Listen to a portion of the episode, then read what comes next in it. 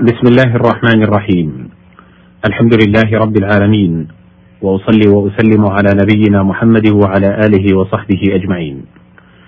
أيها المستمعون الكرام السلام عليكم ورحمة الله وبركاته. أحييكم تحية طيبة في مطلع هذا اللقاء وأسأل الله سبحانه وتعالى أن ينفعني وإياكم بما نستمع من آي القرآن الكريم ونوضح من معانيها. وحديثنا في هذه اللقاءات عن كلمات من ألفاظ الكتاب العزيز نوضحها من خلال كلام العرب الفصحاء في الشعر والنثر. والمقام عند مادة القاف والعين والدال.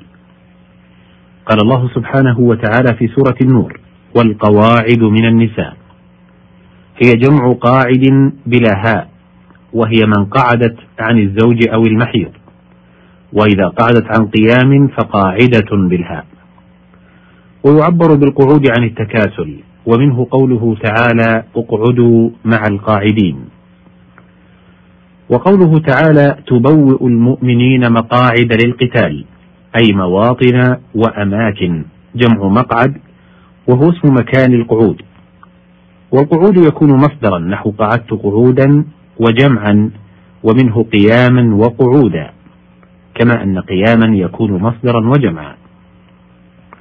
والقواعد أساس البناء. قال الله تعالى فأتى الله بنيانهم من القواعد.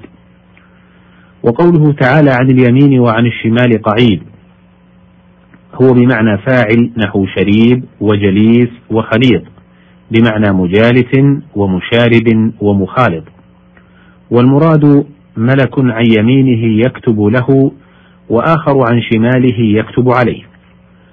وقعيد يكون للواحد وغيره. فلذلك وحده.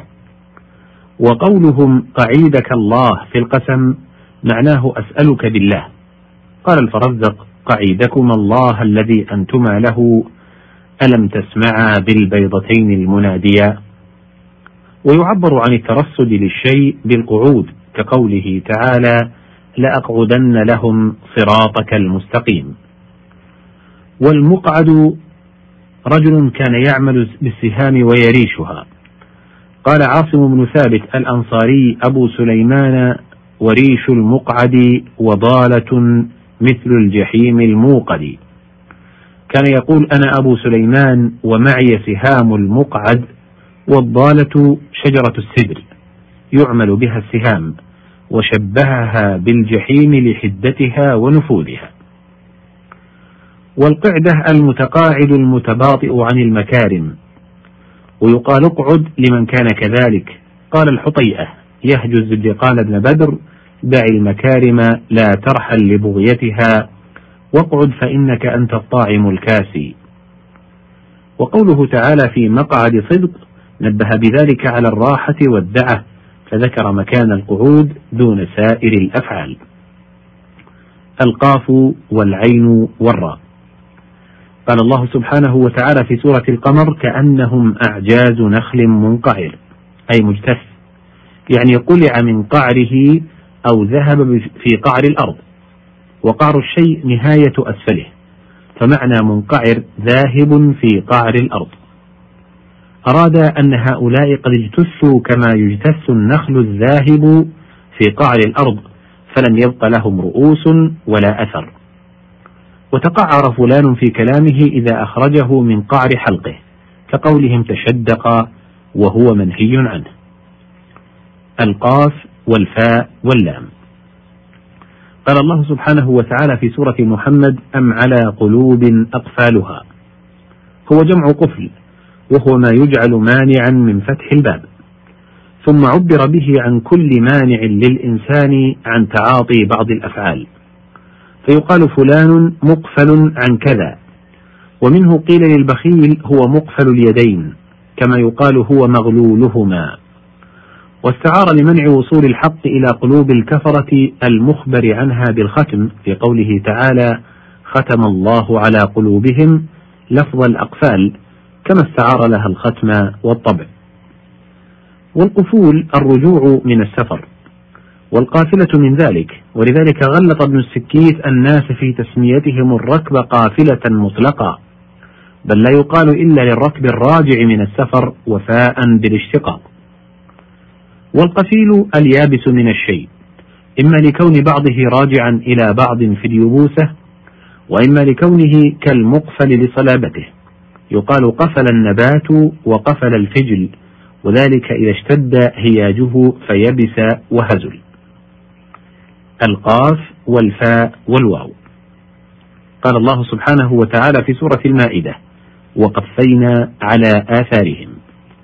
أي أتبعناهم وأصله من القفا لأن المتبع للشخص غالبا يصير خلفه وتابعا لقفاه. يقال قفوته واقتفيته وقفيته أقفوه إذا تتبعته وتبعت أثره. وبه سميت القافة لتتبعها الآثار والأشباه. وعلوم العرب في الجاهلية ثلاثة القيافة والعيافة والسيافة. فالقيافة إلحاق الولد بأبيه لشبه يظهر لهم والعيافة نوع من الكهانة والتنجيم والسيافة شم التراب. وذلك أن الرجل إذا تاه في برية شم ترابها فعرف أين هو من الأرض. وقافية كل شيء وقفاه آخره ومنه القافية الشعرية. وتطلق القافية على البيت بل على القصيدة كلها. ومنه قول الخنساء وقافية مثل حد السنان تبقى ويذهب من قالها. وفي الحديث يعقد الشيطان على قافية أحدكم ثلاث عقد. القافية بمعنى القفا. ومن أسمائه عليه الصلاة والسلام المقفي قيل هو بمعنى العاقب وهو بمعنى الآخر. القاف واللام والباء. قال الله سبحانه وتعالى في سورة قاف إن في ذلك لذكرى لمن كان له قلب أي عقل وفهم. وقلب كل شيء خالصه وأصل القلب من التقلب وعليه قول الشاعر وما سمي الإنسان إلا لأنسه ولا القلب إلا أنه يتقلب. ويعبر بالقلب عن المعاني التي تختص به من الروح والعلم والشجاعة. فمن الأول قوله تعالى وبلغت القلوب الحناجر ومن الثاني قوله تعالى لذكرى لمن كان له قلب أي عقل وفهم ومن الثالث قوله تعالى ولتطمئن قلوبكم أي تثبت به شجاعتكم وعلى عكسه وقذف في قلوبهم الرعب وتقليب الشيء تغييره من حال إلى حال وتقليب الأمور تدبرها والنظر في عواقبها. ومنه قوله تعالى وقلبوا لك الأمور أي دبروها وبيتوها حتى جاء نصر الله فلم يضر كذلك. وتقليب الله القلوب عبارة عن صرفها من رأي إلى آخر. وكذا تقليبه تعالى البصائر. وإليه أشار بقوله ونقلب أفئدتهم وأبصارهم أي نحيرهم وندعهم في عمى عقوبة لهم.